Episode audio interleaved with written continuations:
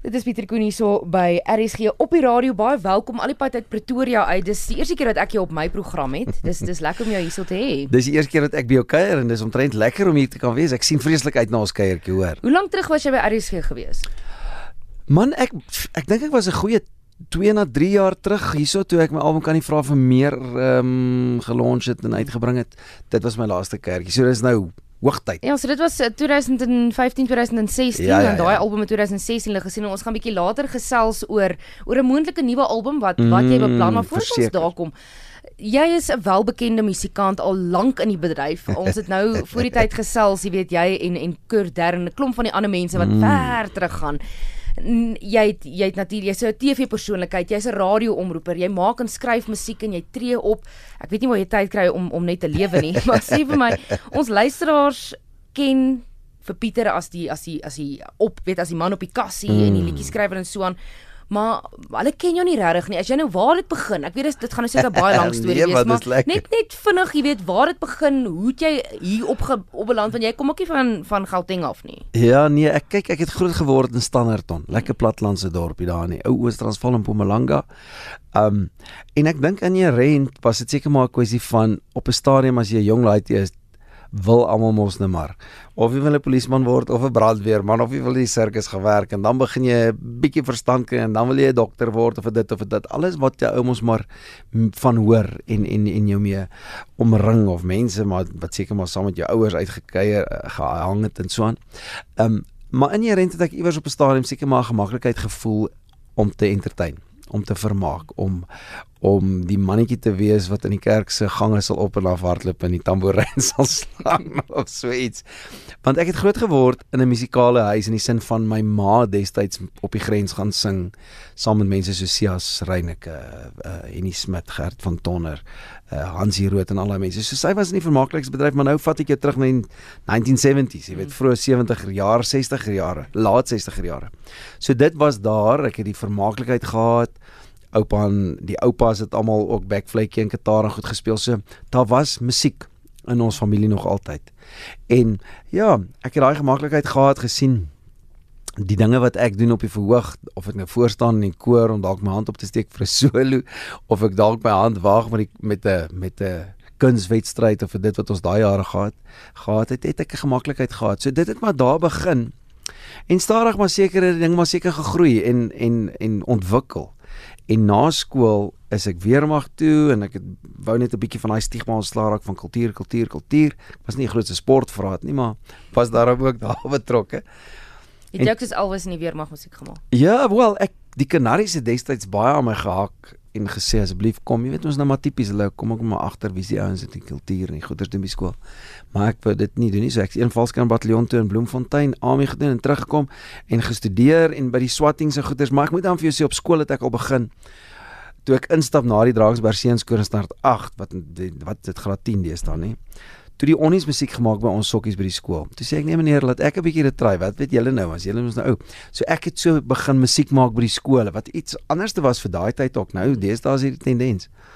So ek was 'n disk jockey gewees Okay. toe al en ek het die ding anders te gedoen want ek het gevoel ou moet praat tussen en die mense mos nou 'n vibe gee, nie net een liedjie na die Ja. ander nie. So so het die ding begin. Met swatting. Ek vat hom nou baie lank terug. Ja, ek stel ja. jy moet bear with me Nee, soos hulle sal reg, sê. nee. en toe het ek as 'n student ook begin sê nee man, ek sal die sokkies doen of as hier 'n skakeling is daar actually musiek speel, Jy moenie het by hoor nie. Pretoria Tech geswat. Maar van wat het Pretoria, jy daar ja. geswat? Jy gaan my nie glo nie, ek het ehm um, ek wou eintlik letterlik 'n wysbegeerte doen, laat hulle letterlik wys en ek begeer man. ek maak 'n grappie. Nee, ek het rekenaar programmering of fancy naam is inligtingstegnologie.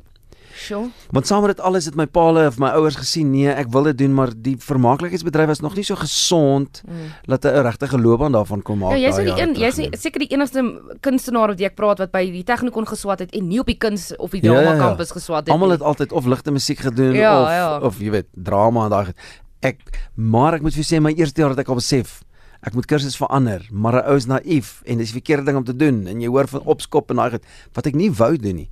So ek het in dit het ek al begin optree by die skakelings dit en dit en dit. Mense het begin vra wanneer maak jy 'n CD? Ek het ingestap by 'n radiostasie destyds daar in Pretoria met die naam van 4FM of iets wat letterlik uit 'n CD winkel uit begin uitsaai het, lisensie gekry het. Ek het daar ingestap gesê ek wil Ek wil radiowerk doen met 'n mikrofoon in die hand, met 'n CD in die hand, gebore as ware. En so die ding begin, jy weet, en en van daar af het hy maar gegroei en ek het lekker lank radiowerk toe gedoen by 'n gemeenskapstasie. 'n Ander ene toe 'n jaar by die een, so 5, 6 jaar by die ander ene.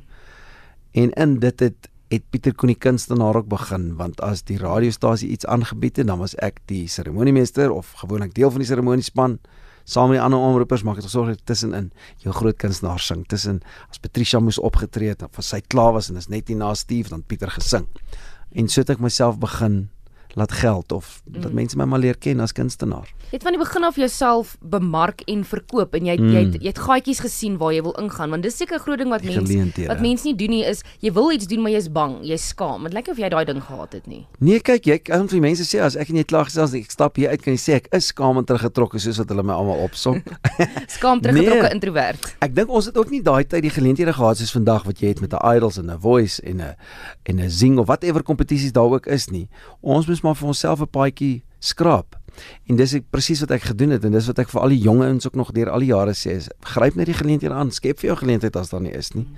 Maar maar die geleenthede wat jy kry gebruik het, daai 5 minute wat ek gehad het tussen in twee optredes van van gevestigde kunstenaars van daai tyd, het ek gebruik. Ek het ek het gesorg dat Pieter se uniekheid deurkom en net dat jy dat jy net vir jou 'n mark probeer kerf en net jouself probeer wees wat jou uniek gemaak. Mm. Want daar's baie wat kan wees soos die een of daai een, maar wat maak jou uniek? Mm. Dis maar wat ek gedoen het. Nou vat ek jou terug na die vroeë 1990s toe, middel 90s. Dit is waar dis waar ek wou gegaan het. Ek wil bietjie stop jy jou jou opleiding of jou paar jaar wat jy was by die Drakensberg mm. Seunskool en ek het nou uh jaar 2 terug het ek uh verlede jaar het ek 'n dokumentêr daar gaan doen nice. oor oor die manne daar. En um dit was 'n ongelooflike ervaring geweest en ek moet sê as ek nou eendag moet skool gee, sal ek nie omgee om daar in die berge te gaan skool gee nie. Maar jou tyd daar en hoe hulle jou gevorm het met jou stem. Hmm. Onthou want jy het jy begin as 'n as 'n graad 'n standaard 2 seun daar of Ja, kyk, hulle is mos van standaard 2 tot standaard ja. 7. So uh, wanneer het jy daar begin? Uh, nee, ek ek het net twee my eerste audisie gedoen, maar my my ma het net gedink ek is nog heeltemal te klein om te doen. Oh, en toe kom hulle start 5 in na die dorp toe en hulle doen weer 'n show en ek sê man, ek wil net audisie gaan doen. Vir wat? Ek sê man, ek wil net kyk of hulle standaarde nog eendag dieselfde is, want as ek dit nog kan maak. Maar toe ek daai audisie ook weer slag, toe is ek cool deur die kerk en toe is dit nou letterlik die standaard 6 en 7 wat ek doen. Die eerste 3 maande was vir my louter hel. Ek moet vir jou sê ek was homesick wat hulle dit noem, nee, en ek het verlang huis toe en letterlik aan die aan die aan die tyres van die van die kar vasgebyt ja. as dit ouer naweek en goed was maar dit was net die eerste 3 of 4 maande en daarna het net 'n ander wêreld vir my oopgegaan in die sin van buite jy jou stemopleiding in die, in die in die musikale agtergrond wat ou daar kry andersins as by 'n gewone skool se koor of die musiekopleiding wat ou daar gekry het dit was vir my amazing en net die mense wat dit my gevorm het jy weet nou is jy standaard 6 7 wat jy 13 14 jaar mm. oud en en jy moet baie onafhanklik wees. Jy moet dadelik 'n ander level van volwassenheid bereik bloot omdat jy op toere gaan, omdat mm. jy met mense werk, internasionale mense werk en en en. So ja, ek ek kyk nooit terug nie en ek was ook nou die dag by die skool gewees toe ek vir, vir Kwela opname gaan doen het daar en Toe dink ek net dis so lekker die dynamics het soveel verander. Die skool het soveel vernuwe en verbeter wat goed is. Ek meen toe ons daar was was letterlik ook 120 kinders, maar hulle het nie die fancy kosses gehad wat hulle nou daar het nie, die fancy auditorium goed gehad nie. En ek is so gelaai wat om my seentjies so toe te stuur want net vir, bloot vir die ontwikkeling wat ek as 'n mens daar ervaar buite nou die musikale dinge maar as mens hoe dit my ontwikkel en en ges, geskoei het vir, vir wie ek is vandag Nou ja, my kinders is meer in die sport as wat hulle in kultuur is. hulle doen sport, daar natuurlik is dit nie die hoof fokus nie, maar ek weet die seuns het vir my gesê, jy weet, hulle hulle is nog steeds um sportmanne en hulle speel sokker en hulle het 'n buite gimnasium daar. Ek was baie beïndruk geweest met met die skool en wat hulle daar vir die seuns. Ek wil terug, ek, weet, ek was daar gewees. Hoorie so, daarso het jy musiek ge, geëet, ge, geleef, mm. geslaap, ge, ge alles en um maar as 'n groot mens het jy het jy jy baie vingers in baie verskillende pastye, mm. maar die musiek is nog steeds 'n groot deel van jou. Waar Verseker. kry jy tyd vir optree, musiek skryf? Jy het nou gepraat van jou laaste album wat jy wat jy vrygestel het en jy het eh, so so net so iets laat val dat moontlik volgende jaar weer 'n album sal wees. Nee, dan moet, dan waar, moet. Waar kry jy tyd tussen tussen jukebox, Kwela se opnames, net familietyd? Dis 'n gejuggle jong, ek moet vir jou sê. Ek ek dink toe ou jonger was dit het gekom juist toe ek jonger was waar jy alles inpas en jy het alles ingepas op 'n mate tot 'n sekere mate en, en nie heeltemal kop verloor nie. Maar nou dat ek uh ek of kom dat die kinders ouer word, begin ou al meer voel daai tyd wat ou saam met jou kinders moet spandeer is eintlik soveel meer van waarde en baie belangriker, jy weet, want hulle is nou op hierdie stadium met ouderdom van tussen 8 en 12 jaar oud, tussen die 3 is hulle letterlik so sponsies wat alles wil hê. En ek dink die die penny het regtig gedrop 1 jaar toe ek nog by by een van die ander groterige kommersiële stasies was. Maar ek het letterlik gewerk Sondag tot Sondag, jy weet. Alles nie op die radio nie. Ek is in die week besig met die Kwela opnames of met die optredes, dan sit oor die naweke nog jukebox en dan is dit nog die radio show. En my ouers het net op staan gesê, "Maar pappa, wanneer hou jy ooit ophou werk?" Want in die week as ons maatjies se paas werk of ouers werk, dan werk pappa en ons kan verstaan, maar naweke as hulle iets doen, dan werk pappa nog steeds. Mm. So toe moet toe moet ek toe ek ook net besef, jy weet, ou moet op 'n stadium net kom wat jy sê. Kies wat vir jou gaan werk. Kies en prioritiseer. Musiek is altyd die eerste een. Dit is eintlik die droom gewees nog altyd om op die verhoog te kan staan, te vermaak, te kan sing, te kan regtig te kan entertain. En die radio en daai tipe van goeders was 'n kwessie van beproef alle dinge en behou die goeie kant of jy weet. En ek wou net myself altyd met kan ek dit doen? En en dit het gewerk vir my en die aanslag wat ek het of wat ek hoor mense sê ek het werk en dis hoekom dit vir my lekker is om dit alles te kan doen. Die nadeel is mense weet nie is jy nou 'n radio aanbied omroeper is jy 'n aanbieder is ja. jy 'n sanger ek kry mense wat na 21 jaar wat ek sing of myself as kunstenaar sien nog steeds van my by shows kom en sê my mag jy ons geniet jy op jukebox of so? Maar ons nie geweet jy sing so lekker of hou so lekker show nie so dis net jy weet al die afdraai paadjies wat jy gevat het of al die roetes wat jy ingeslaan het of al die dinge wat jy gedink het is reg was dalk nie reg nie maar 'n ou moet nooit terugkyk op 'n loopbaan en negatief wees daaroor nie want dit kan nog steeds en dis nie lekker na 21 jaar kan jy sê af my dit nie. Na 21 jaar sit ek hier en ek dink hey kan nie wag vir die volgende 21 nie. Die die TV werk natuurlik jy sê mense herken jou op die kassie want jy's elke week op die kassie of die mense is nie elke ja. naweek en jy gesels ook met ander musikante ja. vertel my van daai ervaring dis heeltemal anders as die radio. Ek geniet die radio want ja jy kruip weg amper. Jy mense weet nie hoe lyk jou gesig, jy weet mense herken jou nie, maar ja. nou is jy op die kassie ook. Ja, ek dink is dis half as asof mense baie meer krities teenoor is. Jy weet jou kykers en jou ondersteuners is baie meer krities want nou sien hulle jou ook. As jy hoor dis een ding en hulle vorm maar 'n prentjie van hoe hulle jou dalk imagine. Maar televisie is anders. Dis ook 'n lekker dynamic, jy weet. Radio is lekker want hulle het altyd my gesê ek het nie goeie genoeg gesig vir televisie. Dis ek kom ek hierdie werk doen. nee nee nee. Ja, dis wie wat is eintlik maar dieselfde. Dis maar net beeldradio op op die einde van die dag. 'n Lekker dynamic, maar ek hou ook van die verskil byvoorbeeld tussen 'n Kwela en 'n jukebox. Jukebox is regstreeks en Kwela is ook weer vooraf opgeneem en dit maak verseker 'n verskil in hoe jy dink, hoe jy dinge aanpak, hoe jy as 'n aanbieder of omroeper jou vrae vra en en en en probeer by 'n resultaat uitkom. Maar dit bly lekker, jy weet, Kwela is vir my lekker want dit bring my by mense uit wat 'n verskil maak. Maak nie saak hoe klein of hoe groot daai verskil is nie, maar as die mense, dis dis die roots. En Jukebox is weer lekker want dan kom ek uit by kollegas en alhoewel ek alles met deel, jy weet die sentimente goeders deel, moet ek as joernalis nou, jy weet soos die een voet op die op die joernalisbank en die, of die ander een bout op die joernalisbank mm. en die ander bout op die kunstenaarsbank. So dit dis baie lekker en ek dink die groot uitdaging vir my vir almal jukebox is om net vir die mense die mens agter die kunstenaar te wys. Mm. Presies wat ons almal probeer doen, jy ook en jou onderhou nou goeders soos vandag met my jy wil by die mense uitkom ons ken jou as die kunstenaar ons sien jou op die posters ons sien jou op die verhoog en goed maar wie is jy en wat is jy mm. Hey, vertel my van die lesse wat jy al geleer het by jou kollegas so. En is dit ook vir jou makliker omdat jy meeste van hulle ken? Ja, ek ek dink dit is makliker nommer 1 en 'n ou bou mos maar 'n sekere mate van vertroue op.